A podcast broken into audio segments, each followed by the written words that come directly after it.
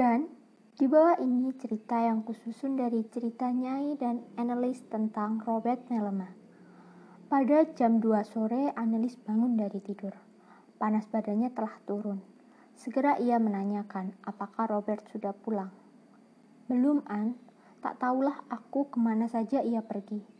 Nyai sudah sedemikian jengkel dan marah pada sulungnya. Ia perintahkan Darsam untuk tidak meninggalkan tempat. Pengantaran susu, keju, dan mertega ke kota diserahkan pada kusir-kusir lain. Bahkan pengawasan kerja di belakang diserahkan pada orang yang belum layak menjadi mandor. Biar dia aku tunggu di depan, mah, ujar analis. Tidak, kau tunggu di sini atau di luar sana sama saja. Di ruang depan sana lebih baik, sambil menemani mama. Nyai memampak analis, dan mereka duduk berjajar di kursi. Robert belum juga datang. Bunyi pandelu itu mengganggu suasana menunggu. Antara sebentar Nyai meninjau pelantaran, dan sulung itu belum juga muncul. Bagaimana bisa jadi, An? Kau baru beberapa hari bertemu, sudah jatuh tergila-gila begini. Semestinya dia yang tergila-gila padamu. Analis tak menjawab. Nampaknya ia tersinggung. Aku ambilkan makan ya? Tak usah, Ma. Tapi Nyai pergi juga ke belakang. Mengambil dua piring nasi ramas, sendok garpu, dan minum. Nyai makan sambil menyuapi Enlis dengan paksa. Kalau malas mengunyah, pelan saja. Dan Enlis benar-benar tidak mengunyah. Hanya menelan. Dan Robert belum juga datang.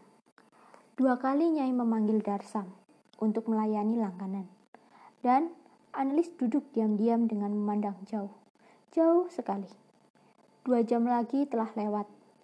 Nah, anak gila itu datang juga, sebutnya. Baru analis memusatkan pandangan ke jalan raya.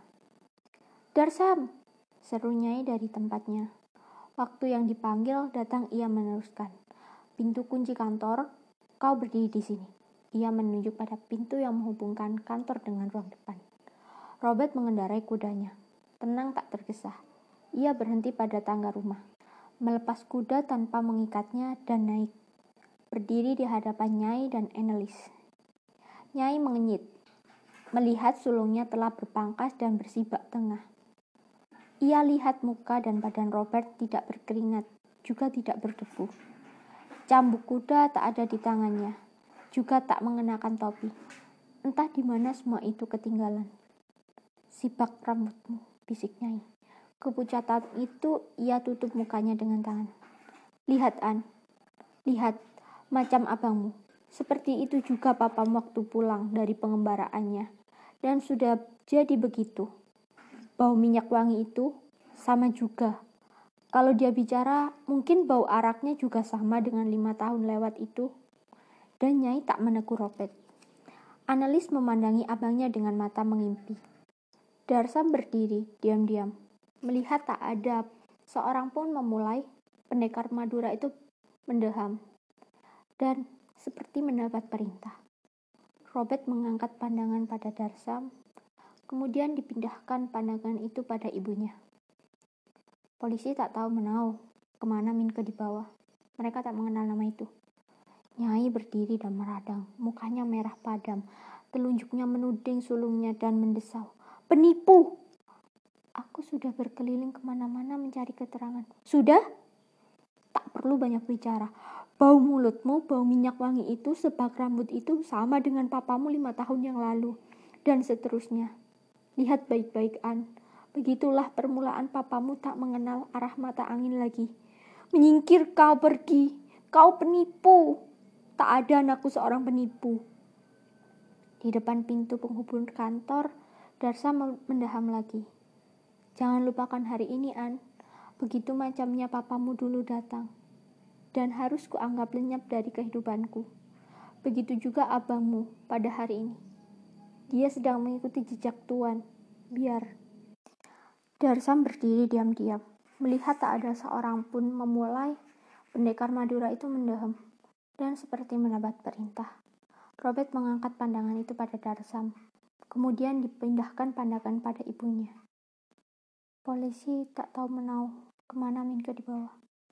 Mereka tak mengenal nama itu. Nyai berdiri meradang, mukanya merah padam, Telunjuknya menuding-nuding sulungnya dan menyesal. Penipu! Aku sudah berkeliling ke mana-mana mencari keterangan. Sudah? Tak perlu banyak bicara. Bau mulutmu, bau minyak wangi itu, sibak rambut itu, sama dengan papamu lima tahun yang lalu dan seterusnya. Lihat baik-baik, An. Begitulah permulaan papamu tak kenal mata angin lagi. Menyingkir kau, kau penipu. Tak ada anakku seorang penipu. Di depan pintu penghubung kantor, Darsan berdaham lagi. Jangan lupakan hari ini, An. Begitu macamnya, papamu dulu datang. Dan harus kau anggap lenyap dari kehidupanku. Begitu juga abangmu pada hari ini. Dia sedang mengikuti jejak Tuan. Biar. Anlis tak menanggapi. Karena itu, An, kau harus kuat. Kalau tidak, orang akan mudah menjadi permainan dan akan terus dipermainkan oleh orang-orang semacam dia itu. Berhenti kau menangis. Apa kau juga mau mengikuti abang dan ayahmu? Mama, aku ikut mama. Karena itu jangan manja, kuatkan hatimu. Anelis terdiam melihat Nyai sudah sampai pada puncak kekecewaannya. Kuda di depan rumah itu meringkik. Robert keluar lagi dari kamarnya dalam pakaian lain. Necis dan gagah. Ia berjalan cepat meninggalkan rumah tanpa mengindahkan ibu, adik, dan darsam. Juga kuda ditinggalkannya lepas. Sejak hari itu, sulung itu hampir tak pernah lagi menginjakan kaki di rumah keluarga. Aku bangun pada jam 9 pagi dengan kepala pusing. Ada sesuatu yang mendenyut-denyut di atas mataku. Sebuah biji palakia tanpa setahuku telah merembesi kulit. Sekarang sedang menumbuhkan akar pada otakku untuk mengubah diri menjadi pohon dalam kepalaku. Teringat aku pada berita-berita di koran yang mensyuhurkan obat lenyap pening paling mujarab dalam sejarah umat manusia. Katanya Jerman yang menemukan. Dinamai aspirin. Tapi obat itu baru berupa berita. Di Hindia belum lagi kelihatan. Aku tak tahu. Uh, Hindia. Negeri yang hanya dapat menunggu-nunggu hasil kerja Eropa. Mevro telinga telah beberapa kali mengompres kepalaku dengan cuka bawang merah. Seluruh kamar berbau cuka. Ada surat untukku barangkali, Mevro? Hah? Sekarang tuan muda baru menanyakan surat. Biasanya membaca pun segan. Sungguh sudah berubah. Barangkali juga ada. Tadi orangnya masih menunggu. Aku bilang kau masih tidur. Tak tahu siapa namanya. Mungkin juga sudah pergi. Aku bilang padanya, kan Tuan Minke tinggal di Wonokromo. Rupanya dia tak memperhatikan, malah meminta izin sebentar untuk pergi ke rumah sebelah. Tuan Marsis. Rumah pemondokan itu lenggang. Teman-teman lain sudah berangkat ke sekolah. Dan perempuan baik hati itu menarik, menjamkan dan mendekatkan pada tempat tidurku. Kemudian meletakkan susu coklat serta kue di atasnya. Yang kumaksud dengan kue adalah jujur. Tuan muda, mau makan apa hari ini? Mevro ada uang belanja. Kalau tidak ada, toh minta pada tuan muda. Barangkali pernah datang polisi kemari menanyakan aku. Ada, bukan polisi. Orang muda sebaya tuan muda. Aku kira teman tuan muda. Jadi ku ceritakan apa saja adanya. Indo, Totok, atau pribumi pribumi. Aku tak tanya lebih lanjut. Kira-kira dia tak lain dari agen polisi itu juga. Jadi makan apa tuan muda hari ini? Sup makaroni mevro. Baik, baru sekali ingin sup makaroni. Tahu berapa harganya satu bungkus? 5 sen tuan muda. Jadi, dua bungkus tentunya cukup. Ia tertawa lega, menerima uang belanja 15 sen. Kemudian Gopah Gopo pergi ke kerajaannya, dapur. Pagi ini memang lenggang. Kadang saja terdengar lonceng dokar. Hanya dalam kepalaku terjadi kesibukan. Para pembunuh dan calon pembunuh berbaris panjang dengan berbagai muka. Berbagai macam resam, malahan Madga Peters ikut tampil membawa belati telanjang teramang. Madga Peters, guru kesayanganku. Hampir gila rasanya, hanya karena ketakutan pada berita. Berita saja. Masa aku harus patut begini, ketakutan pada sesuatu yang tidak menentu kebenaran dan duduk perkaranya. Aku seorang terpelajar. Sekiranya berita itu benar, patutkah aku ketakutan terkutuk ini dibenarkan? Kau akan merugi dua kali, Minke. Kalau berita itu benar, pertama kau sudah ketakutan. Kedua, toh kau akan terbunuh. Satu kerugian pun sudah cukup, Minke. Ambillah salah satu. Bangun. Mengapa mesti kau ambil dua-duanya sekaligus? Goblok kau sebagai terpelajar. Pikiran itu membuat aku tertawa sendirian. Jadi bangunlah aku dari ranjang, berdiri sempoyoran, dan mencoba pergi ke belakang. Penglihatanku berayun-ayun. Kurai punggung kursi. Kumantapkan lagi penglihatanku keluar kamar. Tak jadi ke belakang, aku duduk di ruang depan dan mencoba membaca koran. Peningku memang berkurang, tapi cuka bawang merah betul-betul jadi gangguan. Badan manja, kataku dalam hati. Akhirnya aku pergi juga ke belakang dan mandi dengan air hangat di bawah protes mevro telinga yang keliwat bawel itu. Betapa sayangnya dia padaku, wanita mandul itu. Ia seorang Indo-Eropa yang lebih pribumi dari Eropa. Tak ada sisa kecantikan. Gemuk seperti bantal. Biar Belandanya sangat buruk, justru itulah bahasa sehari-hari. Juga bahasa keluarga. Ia tak pernah menginjakan kaki di halaman sekolah, buta huruf. Anak angkatnya seekor anjing geladak jantan. Pandai mencuri ikan di pasar. Dua tiga kali dalam sehari diserahkan pada ibu angkatnya untuk dipanggangkan. Setelah memakannya, dia tertidur di pintu. Kemudian bangun dan berangkat mencuri lagi. Anak angkat ini tidak menggonggongi orang tak dikenal yang datang. Sebaliknya, dia pandangi tamu dengan mata kelap-kelip, mengawasi seperti menunggu digonggong terlebih dahulu. Setelah berpakaian dan bersisir, aku pergi ke rumah Jan Maris. Gambar Ibu Mai dalam adegan perkelahian itu belum juga selesai. Nampaknya ia sedang berusaha mengerjakan sebaik mungkin. Dengan lukisan itu, ia hendak membuat karya tamanya. Mai duduk di pangkuanku dengan manjanya. Ia rindu tak bertemu denganku beberapa hari belakangan ini. Biasanya aku bawakan gula-gula. Sekarang tak ada sesuatu dalam kantongku. Kita tak jalan-jalan, Om. Sedang tak enak badan, Mai. Kau pucat, Minke. Jan Maris menegur dalam Prancis. Tak kuperhatikan, kata Mai dalam Prancis pula. Kemudian bangkit dari pangkuan dan memandangi aku. Benar, Om Pucat. Kurang tidur, jawabku. Sejak punya hubungan dengan Wonokromo, ada-ada saja menimpa dirimu, Minke, tegur Jin. Dan tak lagi cari order baru selama ini. Kalau kau tahu pengalamanku selama ini, Jen, kau tak akan sampai hati bicara seperti itu. Sungguh. Kau dalam kesulitan lagi, tuduhnya. Matamu tidak tenang begitu, tidak seperti biasanya. Masa mengetahui orang dari matanya? Mai, coba belikan rokok. Dan gadis kecil itu keluar. Nah, Minke, ceritakan apa kesulitanmu. Tentu saja, ku ceritakan kecurigaanku tentang si gendut. Bahwa aku merasa seorang sedang mencari kesempatan untuk membunuh diriku yang sebatang ini. Bahwa aku merasa di mana-mana ada orang yang sedang memata-matai, siap hendak mengayunkan parangnya pada tubuhku.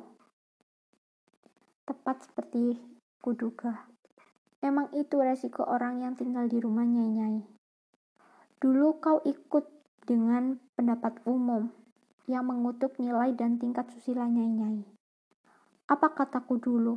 Jangan ikut-ikut jadi hakim tentang sesuatu yang kau tak ketahui dengan pasti.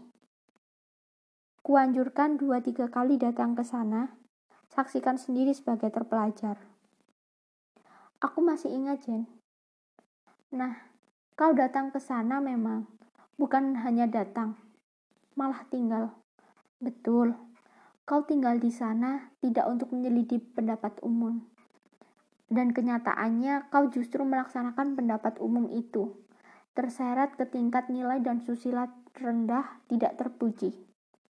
Kemudian kau mendapat ancaman, entah dari siapa.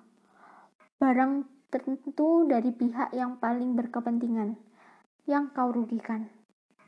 Sekarang kau merasa diburu orang, Minke. Kau lebih banyak diburu perasaan bersalahmu sendiri. Apalagi, Jen, apa aku keliru? Mungkin sekali kau yang benar. Mengapa mungkin? Ialah kalau benar telah kulakukan perbuatan tidak terpuji itu. Jadi, kau tak lakukan itu sama sekali. Setidak-tidaknya aku senang mendengar itu Minke sahabatku. Lagi pula, Nyai bukan wanita sembarangan. Dia terpelajar, Jen.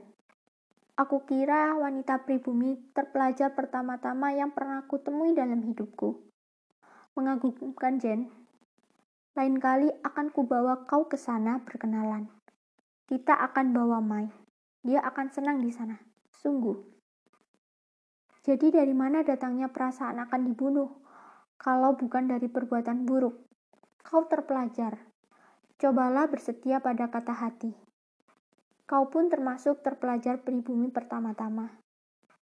Perbuatan baik dituntun dari kau. Kalau tidak, terpelajar pribumi sesudahmu akan tumbuh lebih busuk dari kau sendiri. Diam, Jen. Jangan bicara kosong. Aku benar-benar dalam kesulitan. Hanya bayangan sendiri. Mai datang membawa seikat rokok, daun jagung, dan Jen segera merokok. Kau terlalu banyak merokok. Ia tertawa. Pada hari itu orang Perancis ini sungguh tidak menyenangkan. Ia tidak benar, dan diusiknya aku dengan dugaan tidak berdasar. Juga Ayanda sudah pada awal pertemuan mendakwa Bunda meragukan diri ini dengan caranya sendiri. Sekarang Jane Maris nampaknya tak yakin pada kebenaranku. Ia menggunakan ukuran, namun juga akhirnya menganggap aku telah dikalahkan. Terseret oleh yang tidak terpuji. Rasanya sudah tak ada guna meneruskan pembicaraan. Mai, aku tuntun kau bawa pulang. Dan kami duduk di bangku panjang serambi nyanyi Mai. Dan anak itu langsung menyanyi lagu kesayangan. Nyanyi Perancis saja, Mai. Yang Belanda aku sudah tahu semuanya. Perancis. Ia mengingat-ingat. Kemudian, run, run, patah plan, run, plan, plan. Dari Volley Trember. Tak terdengarkan sih om ini. Mataku mengawasi seorang gendut berkalung sarung, sedang duduk di bawah pohon asam di seberang jalan sana. Di samping penjual rujak. Ia terpinci. Tak bersandal apalagi bersepatu. Berbaju blancu dan bercelana kompor hitam. Berikat pinggang lebar dari kulit barisan kantong tebal. Bajunya tak dikancingkan. Resam dan kulit sipitnya tak menipu aku Mungkin dia calon pembunuhku. Si gendut, tangan-tangan Robert karena tak berhasil menggunakan darsan. Antara sebentar sambil makan rujak, ia melihat ke arah kami. Panggil Papa Mai, gadis kecil itu lari, dan Jan muncul dengan tubuhnya jagung kurus, berbincang-bincang pada tongkat ketiak menghampiri duduk di sampingku. Kira-kira aku tak salah, Jen. Itu dia orangnya. Dia ikuti aku sejak dari B. Memang sekarang lain lagi pakaiannya. Shh, hanya bayanganmu sendiri, Minke. Justru ia memarahi aku. Tepat pada waktu itu tuan telinga datang entah dari mana. Pada tangan satu ia menjinjing keranjang, entah apa isinya. Pada tangan lain ia membawa satu meter pipa besi, entah habis dipungutnya dari mana. Dak Jen Min ke tumben pada duduk-duduk berdua sepagi ini, sapa tuan telinga dalam Melayu. Begini, Jen Maris mulai bercerita ia tentang ketakutanku. Kemudian dengan dangu ia menuding ke arah orang yang aku duga si gendut. Pendatang baru itu menaruh keranjang di atas tanah dan ternyata berisi kedondong muda. Pipa besi tetap dipegangnya. Matanya liar terarah ke seberang jalan sana. Biar aku lihat dari dekat. Ayo Minke, kau yang tahu orangnya. Barangkali memang dia. Biar aku kemplang kepalanya kalau perlu. Berjalanlah aku di belakang, dan Jan Meris berbincang-bincang mengikuti. Semakin dekat, semakin jelas, memang si gendut. Sekarang pun dia pasti sedang memata-matai aku. Dan dia pura-pura tidak tahu kami semakin mendekat juga. Dia terus menikmati rujaknya. Namun jelas, matanya melirik waspada. Pakaian samaran itu memperkuat dugaanku. Memang dia, kataku tanpa ragu. Telinga mendekati dengan sikap mengancam. Dan dengan pipa besi tetap di tangan, aku sendiri kehilangan sikap. Jan Meris masih berbincang-bincang di belakang kami. Hai men, gertakan dalam Jawa. Kau memata-matai rumahku. Orang itu pura-pura tak dengar dan meneruskan makannya.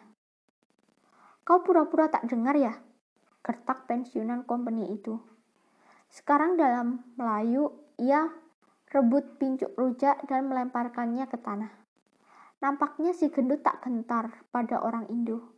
Ia berdiri menyekat tangan yang masih berlumuran sambal pada kulit batang asam, menelan sisa rujak, membungkuk, mencuci tangan dalam ember si penjual.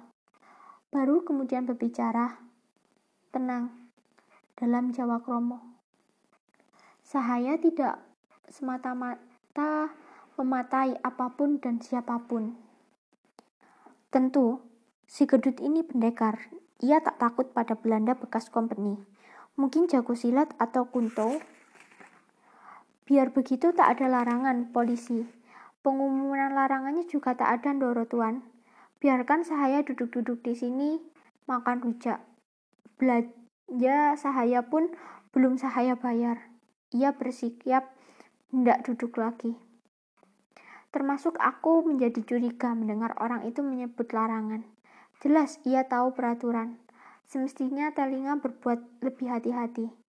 Tetapi bekas serdadu yang hanya dapat berpikir dengan kekerasan itu telah melayangkan tangan dan mengamplang.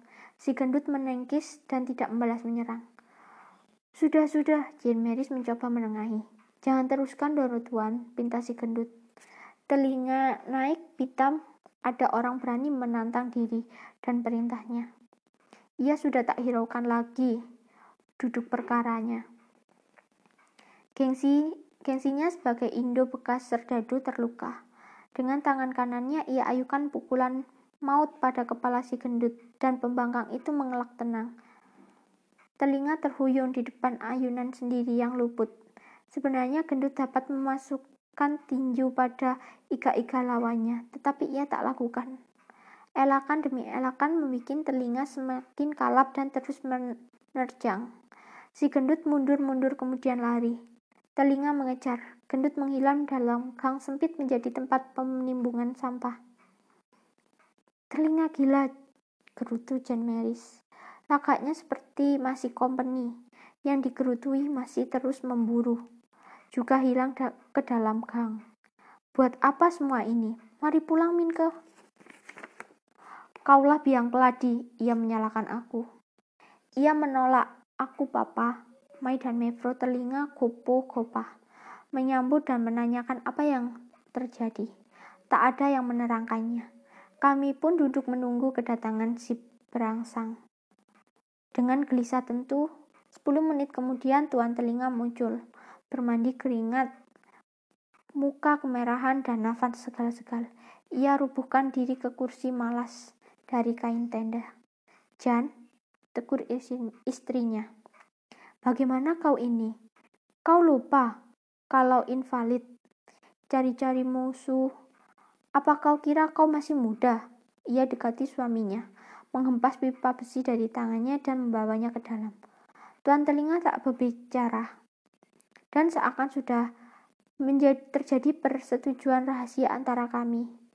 Tak ada yang lebih menyesal dari diriku. Dalam hati aku bersyukur tak terjadi sesuatu drama.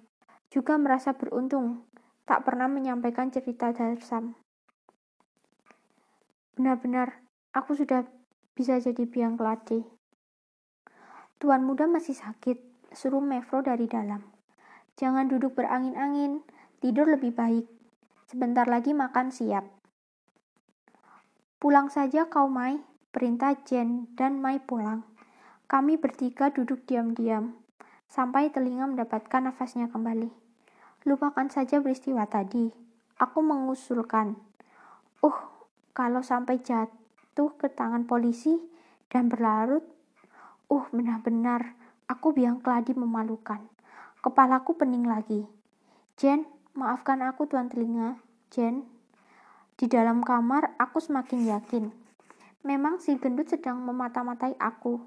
Jelas dia tangan Robert. Cerita Darsam harus kuterima bukan sebagai omong kosong. Hati-hati kau, diri. Untuk pertama kali pintuku kunci dari dalam pada siang hari begini. Juga jendela. Sebatang tongkat kayu keras bekas tangkai pel lantai kusediakan di pojok. Setiap waktu akan dapat kurai setidak-tidaknya sekalipun masih tingkat kelas kambing, aku pernah belajar bela diri di T dulu. Sebagai terpelajar, kenyataan ini harus kuterima. Ada seseorang yang menginginkan nyawaku dan melapor pada polisi. Tidak mungkin. Tidak bijaksana. Menyulitkan Nyai, analis, ayah yang baru diangkat jadi bupati, dan terutama bunda. Semua harus kuhadapi dengan diam-diam tapi waspada. Empat hari lamanya peningku belum juga hilang. Memang kurang tidur, dan setiap hari susu kiriman terus juga datang. Tetap tak ada berita dari Darsam. Rasanya sudah terlalu lama. Aku tak masuk kelas. Dokter memberi sertifikat untuk tiga minggu. Buah palakia dalam kepala tumbuh menjadi pohon tanpa seizin diriku sebagai pemilik tunggal dan syah. Betul kau, pohon palakia dalam kepala. Memang aku harus merupakan nyai dan analis. Hubungan harus putus tak ada gunanya. Hanya kesulitan saja buahnya.